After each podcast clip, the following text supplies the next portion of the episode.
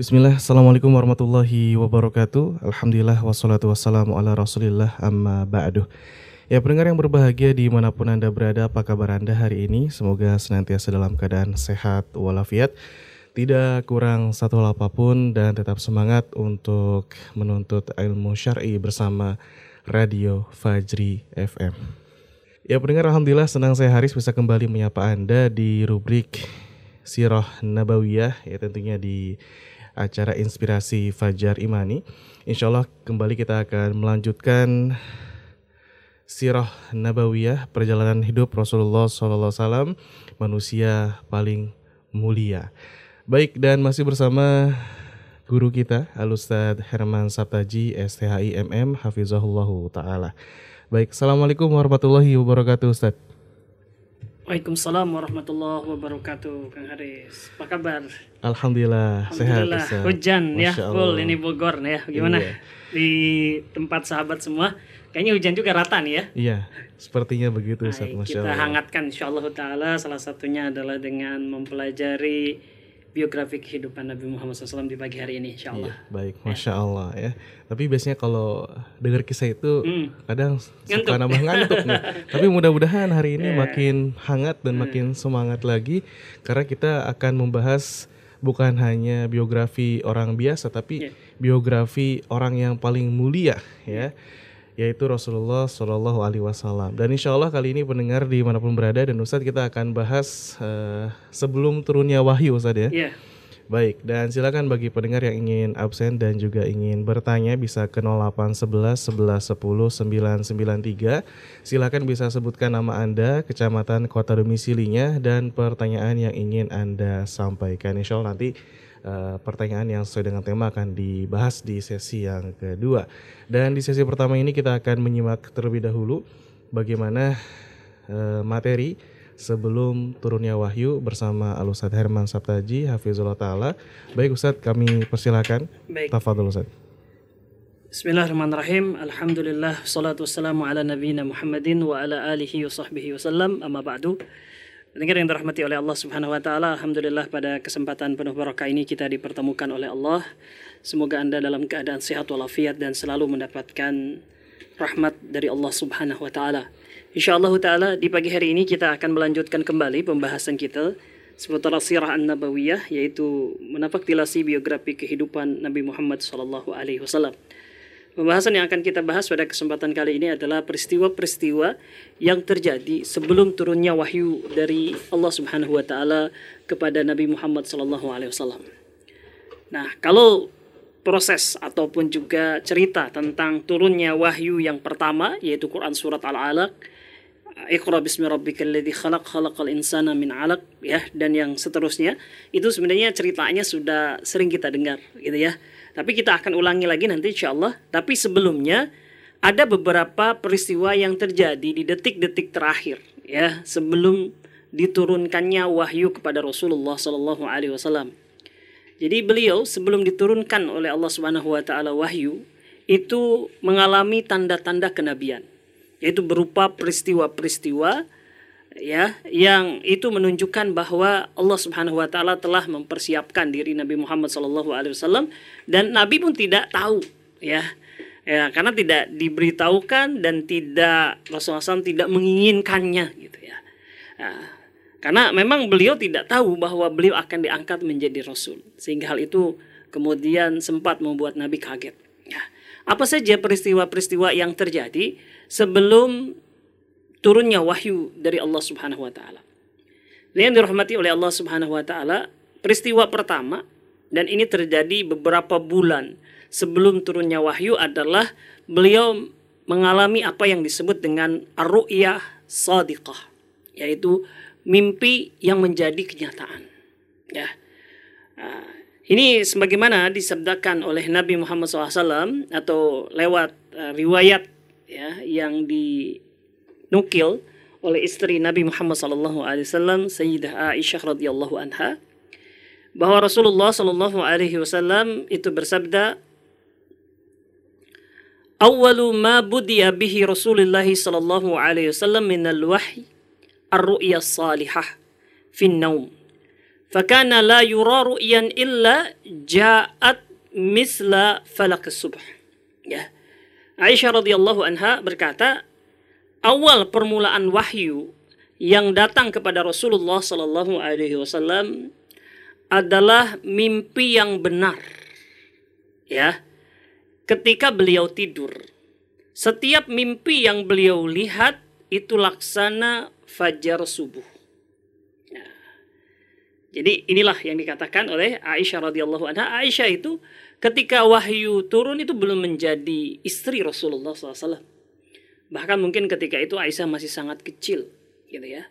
Tetapi Aisyah radhiyallahu anha ini mendengar langsung dari Nabi Muhammad Sallallahu Alaihi Wasallam, ya sehingga beliau bisa meriwayatkan kejadian yang dia tidak hadir di tempat itu ya karena bagaimana seorang istri ya sangat dekat dengan suaminya dan tentu akan diceritakan oleh Nabi cerita-cerita yang spesial gitu ya termasuk tentang turunnya wahyu dari Allah Subhanahu wa taala dan kejadian berupa mimpi ini ya jadi kata Aisyah radhiyallahu anha bahwa awal permulaan wahyu ya yang datang kepada Nabi Muhammad Shallallahu Alaihi Wasallam itu adalah mimpi yang benar. Ya, mimpi benar ini ada beberapa penafsiran, tapi yang paling yang kedua adalah yang kedua, yaitu yang pertama adalah bahwa mimpi yang benar itu adalah beliau melihat seperti cahaya, ya, atau melihat suatu uh, cahaya yang sangat terang sekali, ya, seperti fajar subuh. Tetapi ada yang mengatakan dan ini adalah pendapat yang kedua bahwa yang dimaksud dengan mimpi yang benar adalah mimpi yang menjadi kenyataan. Yaitu apa? Ya, jadi Rasulullah Shallallahu Alaihi Wasallam pada malam harinya ketika tidur beliau mimpi, ya di pagi harinya itu beliau melihat apa yang dimimpi itu itu terjadi. Ya, inilah ya mimpi yang menjadi kenyataan. Dan ini sering sekali bahkan dikatakan ini berturut-turut sampai enam bulan berturut-turut. Ya dan ini tentu adalah eh, diperbuat oleh Allah Subhanahu Wa Taala untuk mempersiapkan ya diri Nabi Muhammad Sallallahu Alaihi Wasallam bahwa beliau diwahyukan oleh Allah Subhanahu Wa Taala untuk melihat suatu kejadian ya yang itu belum terjadi dan itu adalah termasuk alam gaib ya termasuk berita gaib dan nanti akan diberitahukan ketika beliau menjadi seorang nabi, menjadi seorang rasul ya. Kejadian-kejadian gaib ya yang beliau alami sendiri ya dan juga kabar-kabar dari Allah Subhanahu wa taala. Misalkan nanti beliau akan menghadapi atau akan mengalami peristiwa yang disebut dengan Isra Mi'raj. Ya. Di Isra Mi'raj itu beliau Rasulullah Shallallahu alaihi wasallam diperlihatkan ya. Surga neraka diperlihatkan oleh Allah Subhanahu wa taala. Kenikmatan-kenikmatan surga dan siksaan-siksaan pedih mereka yang berada di dalam neraka ya. Dan itu uh, terjadi gitu ya. Nah jadi ini ya bahwa yang pertama kali terjadi pada beliau adalah mimpi ya mimpi yang menjadi kenyataan. Dan mimpi itu sangat jelas ya. Dilihat oleh Rasulullah Shallallahu Alaihi Wasallam seperti misla falak subuh ya. Seperti laksana fajar subuh. Jadi kalau kita di pagi hari memang penglihatan kita itu eh, tidak terlalu jelas ya atau tidak bukan tidak terlalu jelas ya. Maksudnya tidak seterang di waktu tengah hari ya. Tapi juga itu peristiwa itu bisa kita lihat dengan jelas karena memang itu adalah peralihan dari malam kepada siang hari. Ya, sehingga bisa membedakan karena mata kita sudah mulai sensitif. Ya, sehingga bisa membedakan, ya. Jadi itu yang dilihat oleh Nabi Muhammad SAW mimpi yang berturut-turut yang kemudian di pagi harinya atau di kesempatan siang harinya mimpi itu itu sudah pernah dilihat oleh Nabi Muhammad SAW di dalam mimpi dan itu terjadi.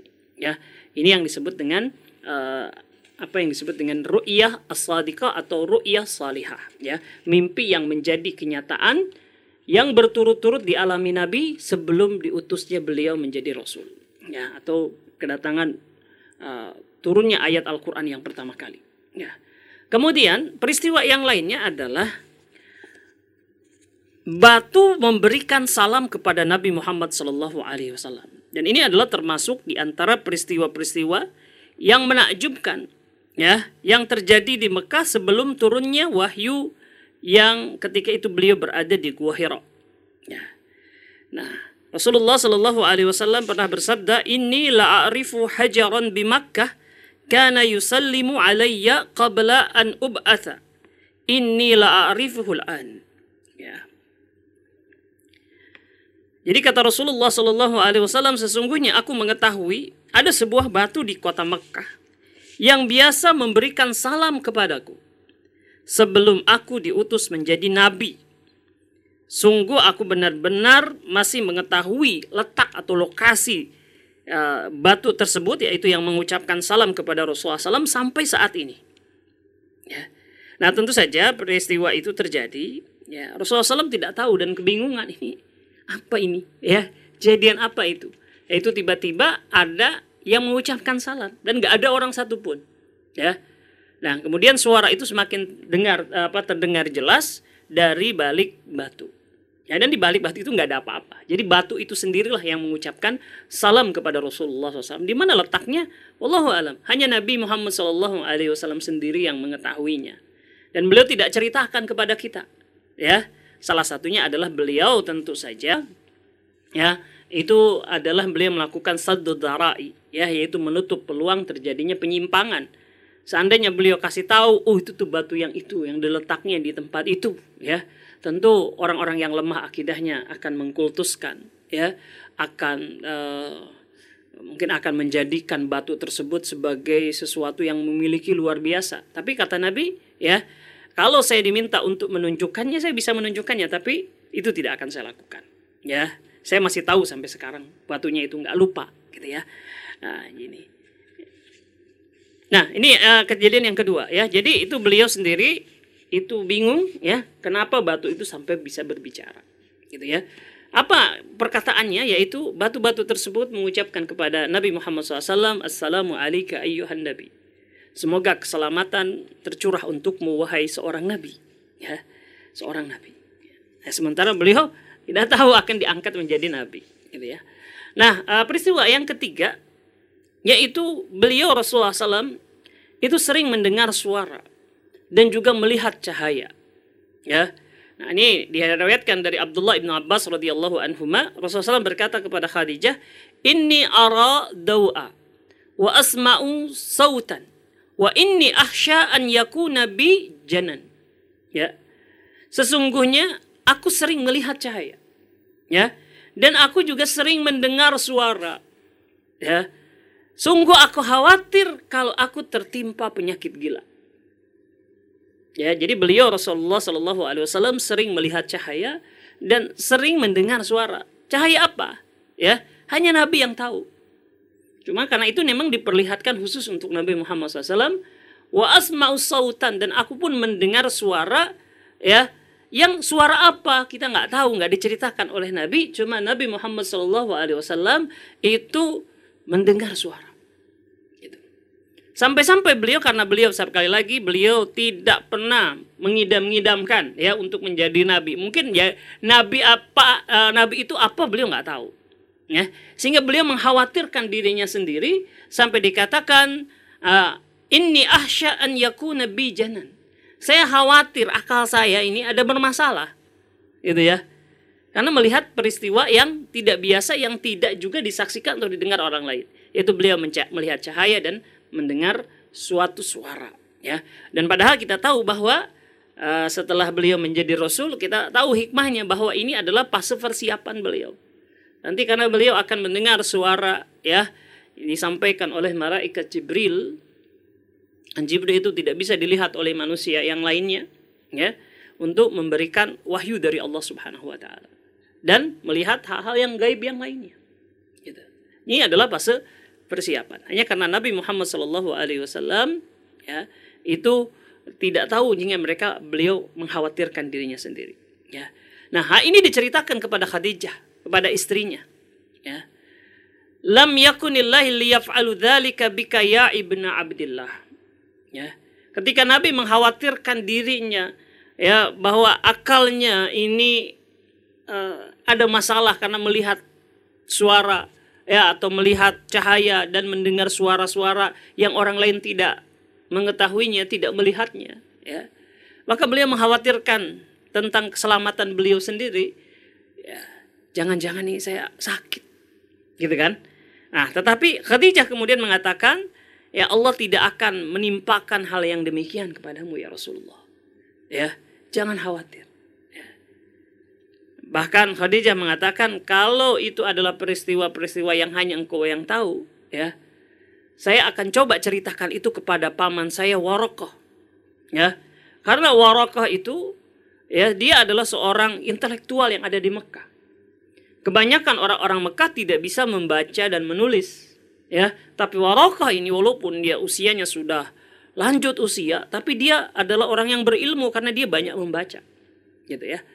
Tidak banyak membaca. Nanti ketika malaikat Jibril menampakkan dirinya dalam wujud laki-laki yang kuat, ya, mendekap Nabi Muhammad SAW dan Nabi kemudian kebingungan, ya, siapa laki-laki itu dan apa yang dikatakan dibawa oleh laki-laki itu yang diminta Nabi untuk menirukannya ya? Maka kemudian Warokoh mengatakan jika ia jujur maka sesungguhnya yang terjadi adalah namus. Seperti namus Musa. Maksud namus adalah malaikat Jibril ya yang datang kepada Nabi Musa alaihissalam. Seandainya ia diutus sedangkan aku masih hidup maka aku akan muliakannya Aku akan tolong dia dan aku akan beriman kepadanya.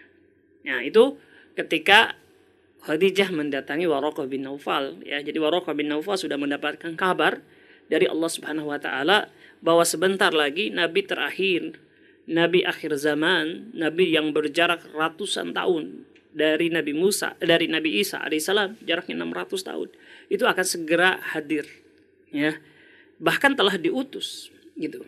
Hanya saja kemudian Warokoh meninggal dahulu sebelum Nabi Muhammad SAW mulai berdakwah. Ya. Nah ini ya. Kemudian kita lanjutkan kembali hadis dari uh, Aisyah yang menceritakan tentang proses awal turunnya wahyu ini. Tadi kan uh, kita sampai bahwa Nabi Muhammad SAW seperti yang diriwayatkan oleh Aisyah itu beliau mengalami mimpi. Ya, Awalu ma budi'a bihi Rasulullah sallallahu alaihi wasallam minal wahyi ar-ru'ya salihah fi naum fakana la yara ru'yan illa ja'at misla falak subah. Awal permulaan wahyu yang datang kepada Rasulullah SAW adalah seperti mimpi yang benar, yang nyata ketika beliau tidur. Ya, setiap mimpi yang beliau lihat seperti laksana fajar subuh. Ya. Lantas kemudian Aisyah melanjutkan wahubbiba ilaihi al khala. Kemudian Nabi Muhammad Shallallahu Alaihi Wasallam itu dianugerahkan ya keinginan untuk selalu ingin menyendiri, ingin menyendiri, ya. Uh, jadi beliau Rasulullah SAW selain mimpi ya yang selalu menjadi kenyataan berturut-turut, waktu itu beliau sudah cenderung itu ingin menyendiri, ya bertahanus, berkhalwat ya maka beliau kebiasaannya itu adalah beliau biasa mendatangi satu tempat yang disebut dengan gua Hiro gua yang tidak terlalu jauh dari kota Mekah dan posisinya itu adalah menghadap kota Mekah di mana dari puncaknya itu dari gua Hiro yang disebut dengan gunungnya namanya Jabal Nur ya itu bisa melihat keadaan kota Mekah termasuk aktivitas orang-orang Quraisy. Nah, beliau ya itu senang bermalam di tempat tersebut dan tempat itu biasanya juga digunakan oleh para tunawisma orang-orang yang tidak memiliki rumah atau orang-orang dalam perjalanan untuk sekedar berteduh dari panasnya matahari ataupun juga e, dinginnya di waktu malam ya. Orang-orang yang kekurangan gitu ya. Nah beliau Rasulullah SAW itu naik ke sana kemudian beliau mengambil satu tempat di sebuah gua yang disebut dengan gua Hira ya beliau melewati orang-orang yang juga sedang berteduh, sedang berlindung, ya mereka kekurangan bekal maka beliau Rasulullah SAW berbagi dengan mereka. Ya, setelah membagikan makanannya, membagikan bekalnya, beliau masuk ke dalam gua Hira, ya, lantas beliau di sana berkhulwat, menyendiri. Ya, apa yang dilakukan oleh Nabi Muhammad Wasallam? Beliau di sana bertafakur, ya, bertafakur melihat kebiasaan-kebiasaan masyarakat Quraisy. Apakah benar apa yang mereka ibadahi? Apakah benar Tuhan yang mereka sembah? Ya. Karena memang orang-orang Makkah itu sejatinya mereka itu mengenal Allah Subhanahu wa taala. Mereka tahu pada dasarnya ya bahwa yang menciptakan langit, bumi, menurunkan rezeki, yang mematikan dan menghidupkan itu hanya Allah Subhanahu wa taala. Tapi yang mereka sembah-sembah, mereka berikan sesaji-sesaji, ya mereka berikan uh, wangi-wangian, ya mereka tawaf di tempat tersebut, mensucikan berhala-berhala tersebut, memohon kepada Allah Subhanahu wa taala melalui berhala-berhala tersebut. Apakah itu benar penimbangan seperti itu? Nah, itulah yang difikirkan oleh Nabi Muhammad SAW selama di Gua Hira. Gitu. Dan itu Nabi Wasallam ingkari, ya nggak benar kayak begitu. Ya, cuma yang benar kayak apa ibadah kepada Allah? Nah itulah yang dipikirkan ya oleh Nabi Muhammad Shallallahu Alaihi Wasallam. Karena sepanjang kita kemarin kita membahas tentang masa kecil, masa remaja, masa pemuda Nabi Muhammad Shallallahu Alaihi Wasallam, bahwa beliau ya dijaga oleh Allah Subhanahu Wa Taala dari melakukan berbagai macam perbuatan yang akan mengurangi kehormatan beliau. Ya, termasuk di antaranya Allah menjaga beliau dari tidak menyembah berhala. Ya dari uh, Allah menjaga beliau dari menjaga dari menyembah berhala. Ya karena tidak ada satu riwayat pun bahwa beliau dekat-dekat dengan berhala apalagi menyembahnya. Ya itu beliau ingkari. Tapi bagaimana menyembah Allah yang benar ya sementara beliau belum mendapatkan petunjuk dari Allah Subhanahu wa taala beliau juga melihat berbagai macam kemaksiatan yang terjadi ya yang terjadi di tempat itu ya. dan renungan-renungan yang lainnya ya renungan-renungan yang lainnya. Dan yang memang uh, renungan ini atau menyendiri juga sangat kita butuhkan di satu waktu-waktu tertentu. Ketika kita mengalami kejenuhan ketika kita mengalami uh, kebosanan ya. Ketika kita mau berintrospeksi. Itu kan nggak bisa rame-rame ya. Itu harus menyendiri. Dan itulah yang dilakukan oleh Nabi Muhammad SAW gitu. Selain itu beliau diriwayatkan di riwayat yang lain beliau beribadah kepada Allah. Cuma beribadahnya dengan cara apa? Ya, ya mungkin salah satunya adalah dengan cara bertafakur kepada Allah Subhanahu wa taala. Tapi ada juga para ulama yang lain seperti Al-Alusi rahimahullah beliau mengatakan cara beribadah Nabi kepada Allah waktu di Gua Hira itu adalah dengan cara melakukan ibadah seperti Nabi Ibrahim alaihissalam. Tapi memang tidak ada detail-detail cara beribadahnya seperti apa. Ya, Nah, setelah itu beliau tetap berada di tempat itu dan itu paling banyak dilakukan di waktu bulan Ramadan. Ya. Nah, setelah bekal beliau habis, ya, beliau itu kemudian pulang. Ya. Ya, bersama keluarganya dulu, lantas kemudian dikasih atau disiapkan bekal, lantas beliau kembali lagi ke Gua Hiro. Ya.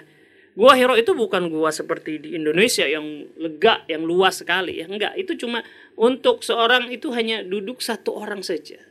Untuk terlentang satu orang saja dan tidak tinggi ya. Itu tidak bisa kita kalau masuk gua itu ya, kalau saya yang saya lihat itu uh, tidak bisa kita itu sampai berdiri itu tidak bisa. Karena sempit sekali gua Hiro itu. Gitu. Ya.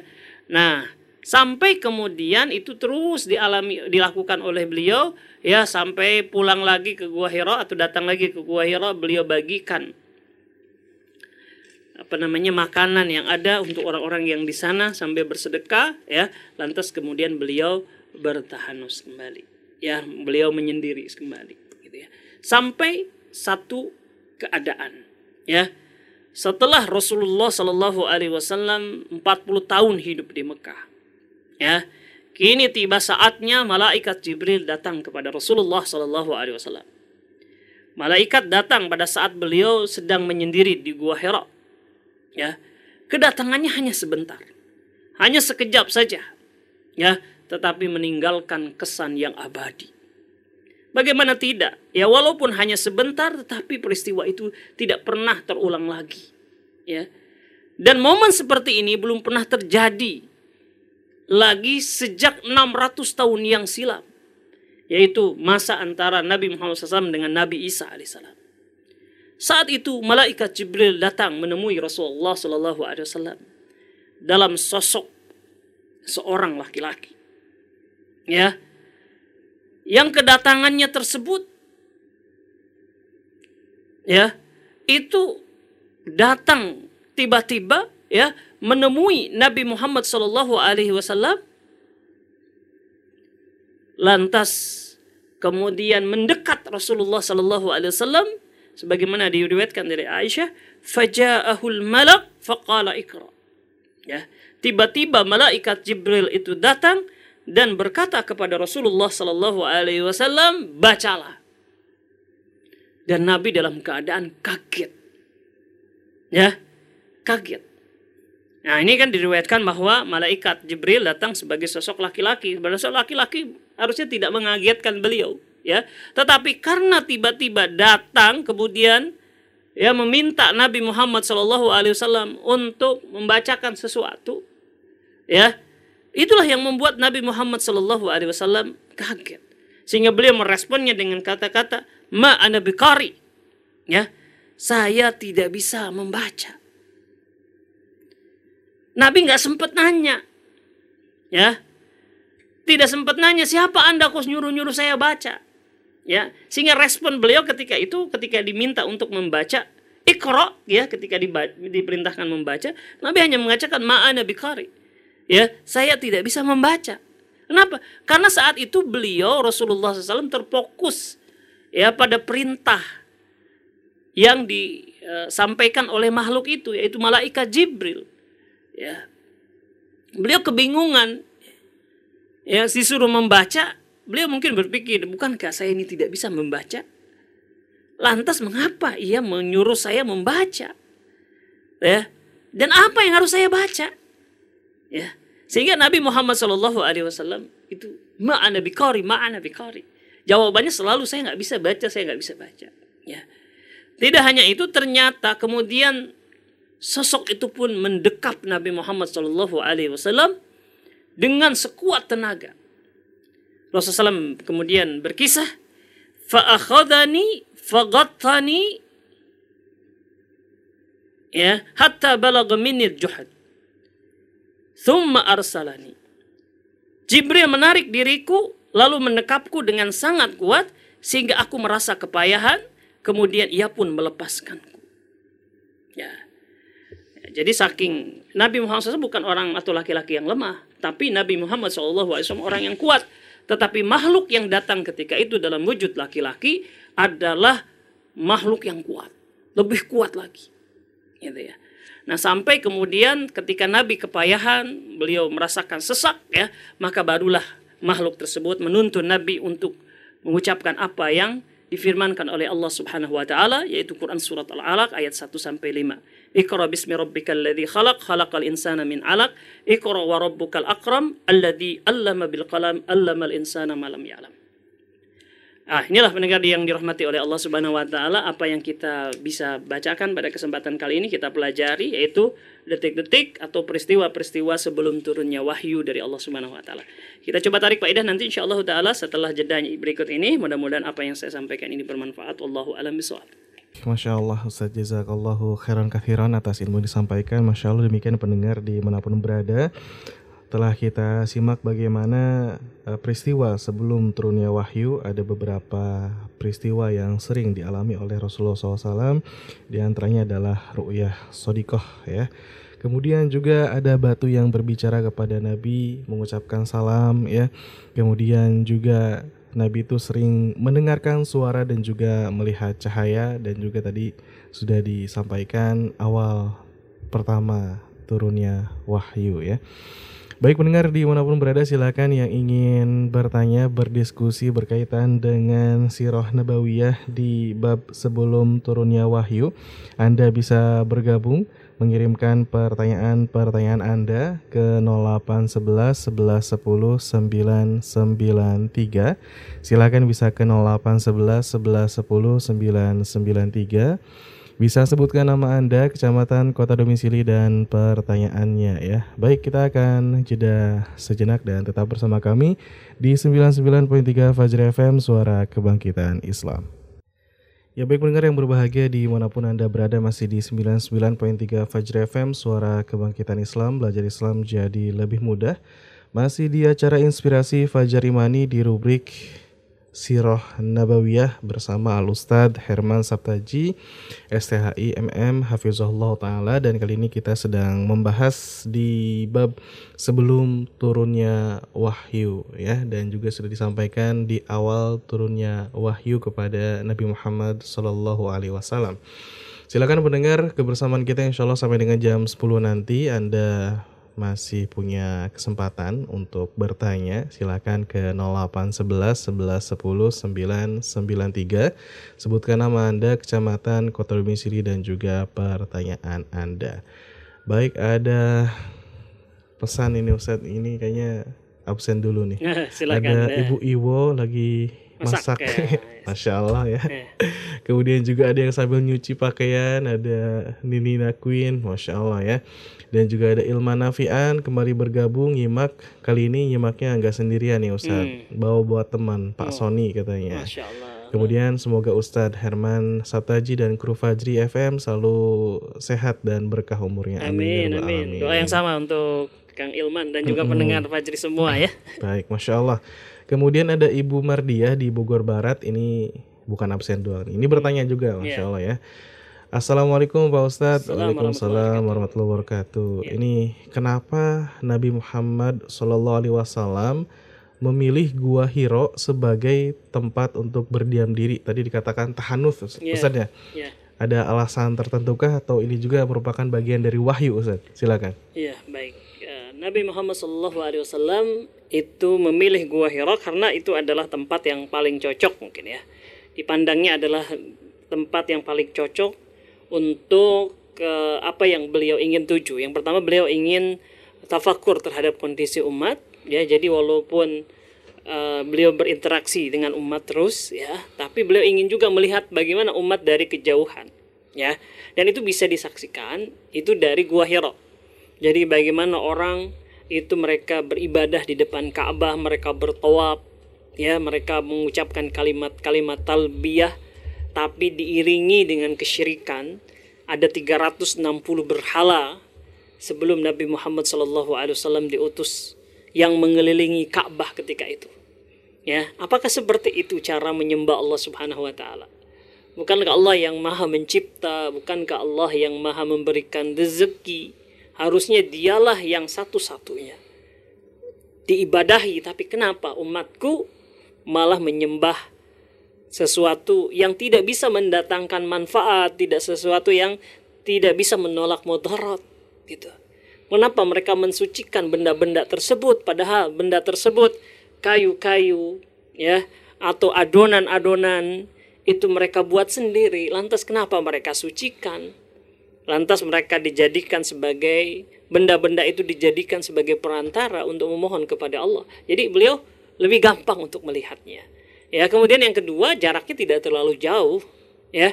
Dan yang ketiga banyak orang-orang fakir ya di sepanjang perjalanan dari rumah beliau sampai ke Gua Hira itu yang memerlukan bantuan sehingga ya beliau bisa sambil bertahanus, bisa sambil menyendiri dan juga sambil membantu orang lain. Karena memang itu sudah menjadi karakter beliau. Ya, Rasulullah SAW sebagaimana diriwayatkan oleh Khadijah bahwa Rasulullah SAW ini adalah orang yang menyambung tali silaturahmi. Wa tahmila kulla.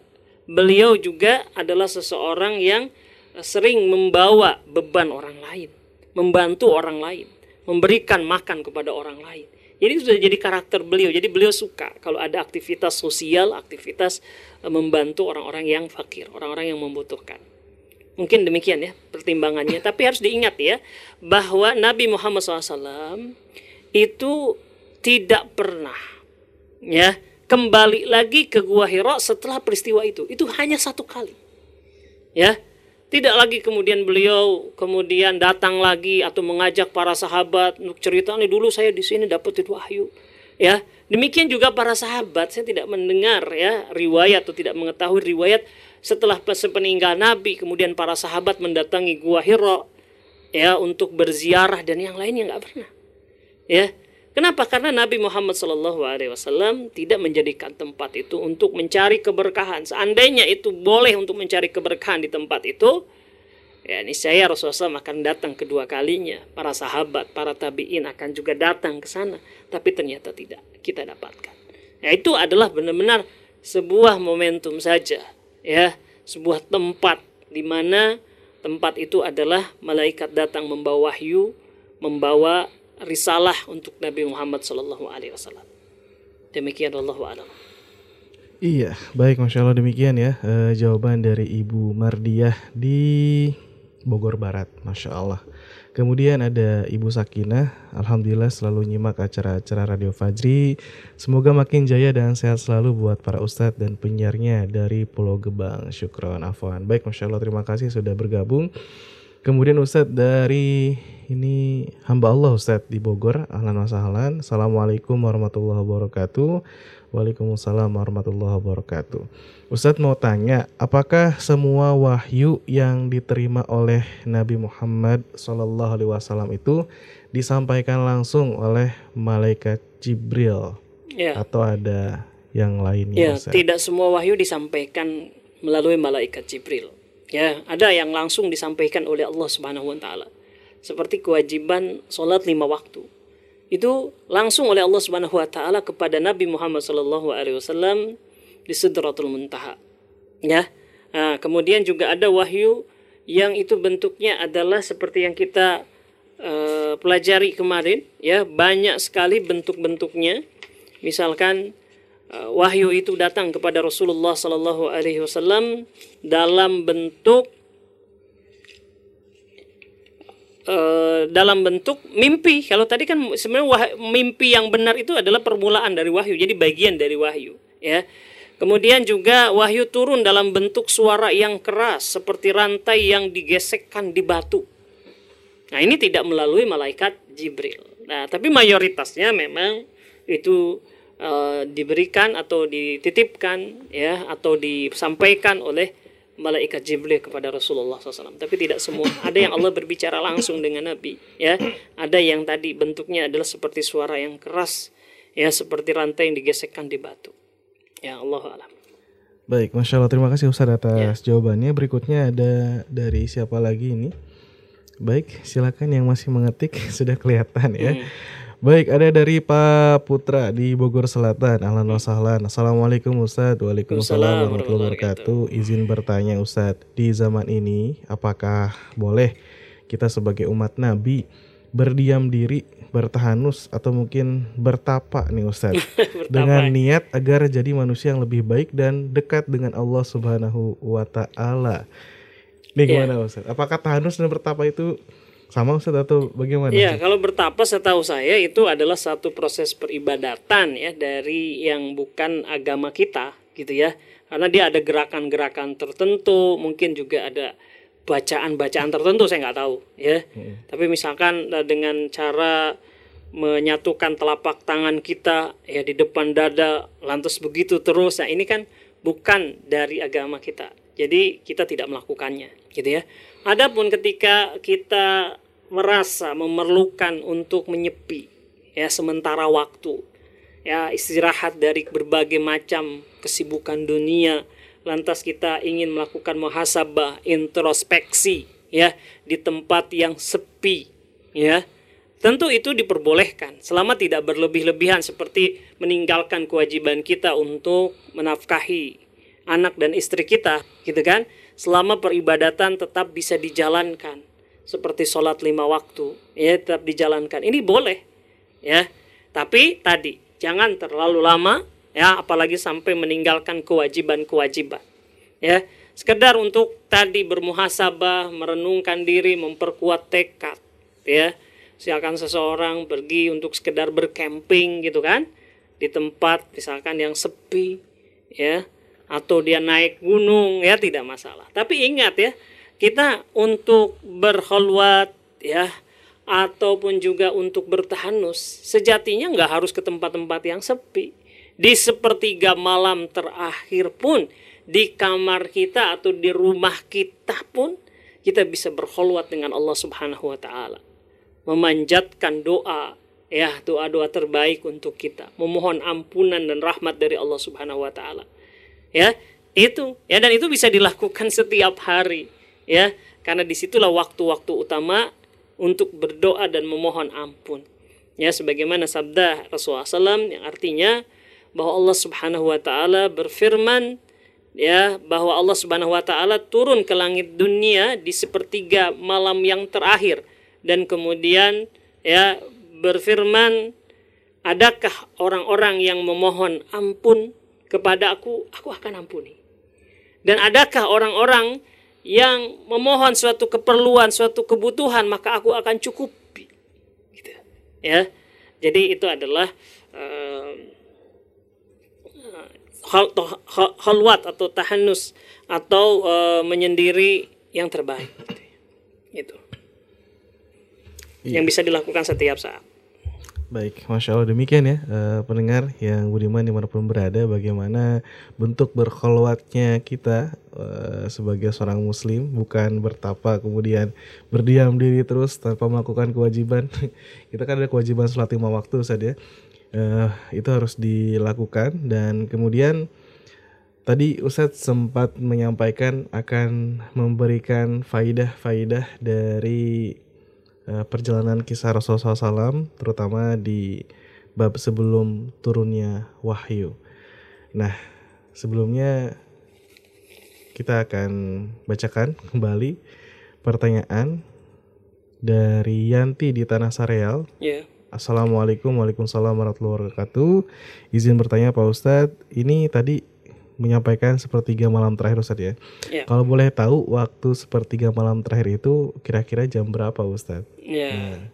Ya, tinggal berarti kalau ma uh, tinggal di ini aja waktu malam itu kapan mulainya? Ya, waktu malam itu setelah ba'da maghrib. Kita anggap misalkan uh, jam 7 ya kan kemudian jam 5 sudah terbit matahari. Berarti antara jam 7 sampai jam 5 itu malam. Mm -hmm. Ya, jam 7 sampai jam 5 berarti itu ada 10 jam ya ada 10 jam. Berarti e, sepertiga malam adalah tiga setengah ya atau tiga sepertiga ya 3,3 bagian. Ya tiga tiga jam eh, tiga puluh tiga jam 20 menit. Jadi detail ya. Eh, sebelum sebelum subuh sebelum jam 5 jadi tepatnya adalah berarti itu mulai dari setengah dua sampai menjelang subuh. Nah, itu udah masuk sepertiga malam yang terakhir. Hmm. Ya, kalau kita malam itu dimulai jam 7 sampai pagi itu jam 5. Maka sepertiga malam yang terakhirnya adalah mulai dari jam satuan sampai menjelang subuh. Gitu. Iya, baik. Demikian ya Masya Allah ya tadi e, menanggapi kita harus bermunajat di sepertiga malam terakhir itu yang dijelaskan oleh Ustadz ya.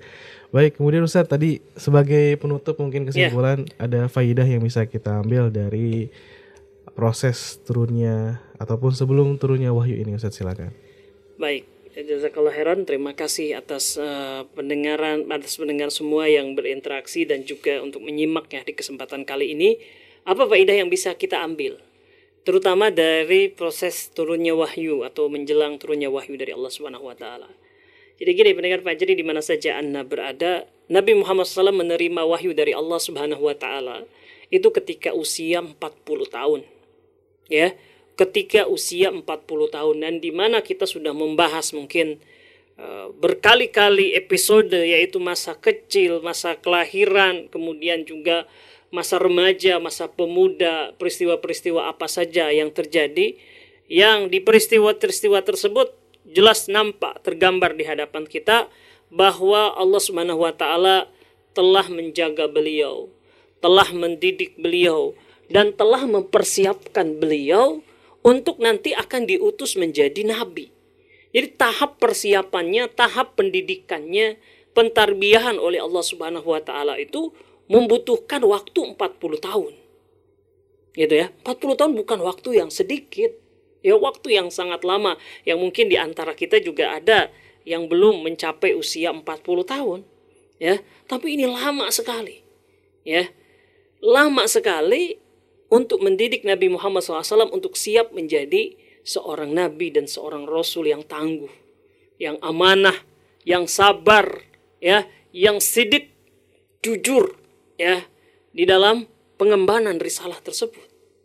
Oleh karena itu, jika kita ingin mendidik ya dan itu semua ya yang 40 tahun itu uh, itu memang benar-benar dilakukan oleh Allah Subhanahu wa taala tanpa nabi tahu bahwa beliau akan menjadi seorang nabi gitu kan. Nah, hal ini juga memberikan faedah bagi kita untuk sabar ketika kita ingin mendidik seseorang, ingin mentarbiah seseorang ya ingin memberikan pengarahan kepada seseorang baik itu anak kita, murid kita, saudara kita, istri kita ya sabarlah ya sabarlah. Jadi pendidikan itu bukan suatu upaya instan yang mungkin kita ingetin sekali langsung mereka benar langsung lurus gitu. Tapi ini perlu usaha-usaha maksimal dan terkadang memerlukan waktu yang panjang ya. Dengan demikian kita tidak akan mudah menyerah ya dengan demikian kita tidak akan mudah uh, untuk apa namanya uh, berputus asa jika kita tidak mendapatkan apa yang kita inginkan terjadi. Ya, jadi sabarlah ya ketika kita mendidik seseorang, mendidik murid, mendidik anak, mendidik keluarga kita. Insya Allah kita akan dapatkan yang lebih baik kalau kita sabar. Insya Allah kisah selanjutnya kita akan membahas tentang mulai episode 40 eh, tahun ke atas yaitu bahwa Rasulullah SAW sudah diangkat menjadi nabi dan rasul. Insyaallah taala di pertemuan yang akan datang. Mohon maaf apabila ada kekurangan. Wallahu a'lam. Assalamualaikum warahmatullahi wabarakatuh. Ya, Waalaikumsalam warahmatullahi wabarakatuh. Masya Allah, terima kasih Ustadz. Jazakallahu khairan kathiran atas ilmu yang disampaikan. Banyak faedah yang bisa kita ambil. Semoga bermanfaat dan bisa menjadi inspirasi. Dan terima kasih banyak jazakumullah khairan kafiran kepada pendengar yang sudah menyimak dan juga sudah bergabung, sudah bertanya di kesempatan kali ini dan mohon maaf yang sudah bertanya ada beberapa yang belum terjawab ya. Ada Ibu Sari dari Pacitan Jawa Timur, kemudian juga ada Pak Dede yang bergabung. Terima kasih banyak. Baik pendengar, sampai di sini perjumpaan kita di acara Inspirasi Fajar Imani di rubrik Sirah Nabawiyah.